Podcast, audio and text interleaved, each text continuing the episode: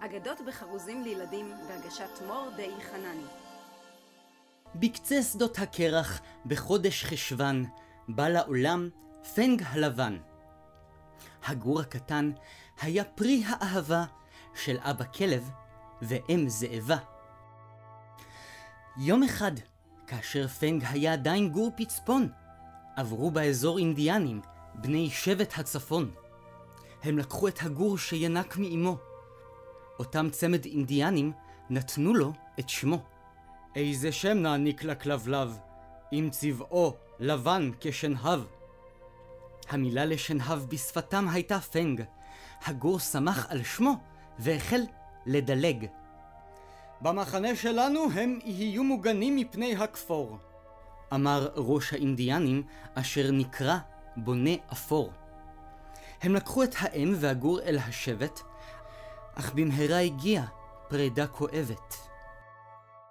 לגור והאם היה נעים וטוב, אך בונה אפור היה צריך לשלם חוב. בנקאי ערמומי הפך אותו לקורבן, וקיבל בתמורה את אמו של פנג הלבן. ליבו של פנג הלבן הלך וכבד, הגור הצעיר נותר לבד. פנג היה גור צעיר, לא מספיק בשל.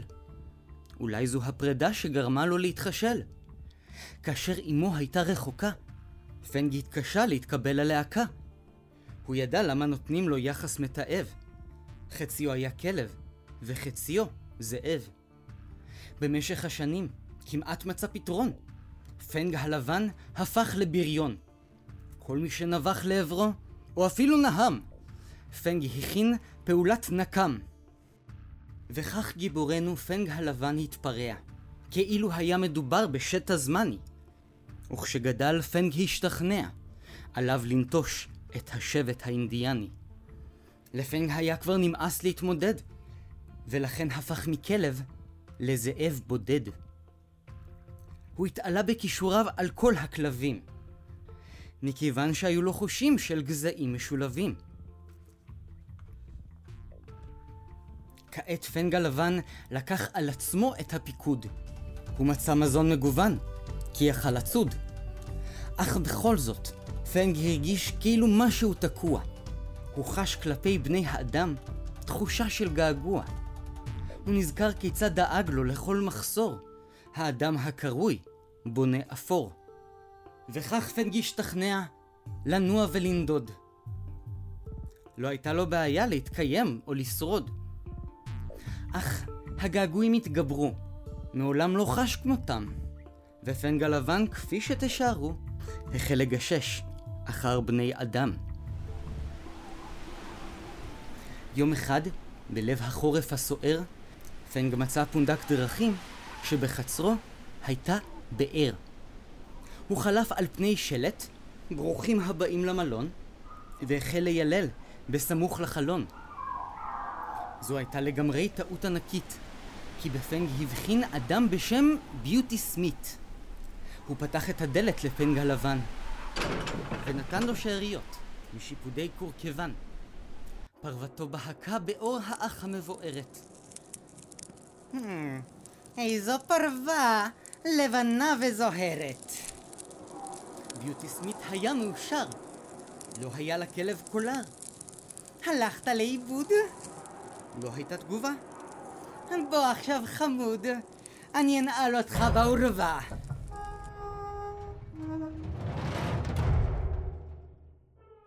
פנג הלבן ניסה להימלט, כל שריריו כואבים. בעורבה הנעולה שרר קור כלבים. גיבורנו שוב היה אסיר, ובלילה הקר התכסה בחציר.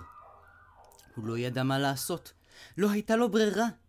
ולמחרת הוא גילה דבר איום ונורא. ביוטי סמית לקח אותו לאימון בזירה. Hmm, אתה תהיה אלוף קרבות רחוב בינלאומי.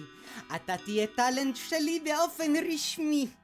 חצי כלב, חצי זאב, שאר המתחרים יאכלו את הלב. פנג לא רצה יותר בריב ומדון. סמית הרעיב אותו, ומנע ממנו מזון. כאשר נשברה רוחו של פנג הלבן, הוא הפך לכלב קרבות מיומן. כל קרב הסתיים ברגעים ספורים, כשפנג שיסה את יריביו לגזרים. ואותו ביוטי סמית, שהתעלל בכלביו, זכה לגמול של כסף וזהב. קרבות הרחוב, כך התברר, נועדו לאנשים שרצו להמר. הוא חשב שזה סיכון קל עם אמצעים פשוטים. אנשים הימרו על כסף ועל תכשיטים. הם לא חשבו על הכלבים שנפצעו ונפגעו. עניינו אותם רק הכספים שהושקעו. ביוטי סמית נעל את הכלבים בסמוך במרתף. כל כלב רעב הופך ללוחם טורף! יום אחד כרוז המשחקים הכריז פנגלבן התמודד מול כלב קטן וזריז. בכניסה לזירה נבח בולדוג בשם צ'ירוקי. פנגה לבן, גיבור גדול. אני הולך לגרום לך לסבול. אם תרצה להיות כלב בספר, תהיה פינוקי. המנחה קרא את הכלבים לעמדות. הבולדוג הקטן מתח את המלטעות. פנג הלבן הגיב בבעיטה באוויר. הבולדוג נפגע והוטח אל הקיר. והקהל שאג. הו-הא! מה קרה? צ'ירוקי עף מהזירה! תוך זמן קצר צ'ירוקי, הבולדוג שהותקף, כבר היה מוכן שוב לסיבוב נוסף.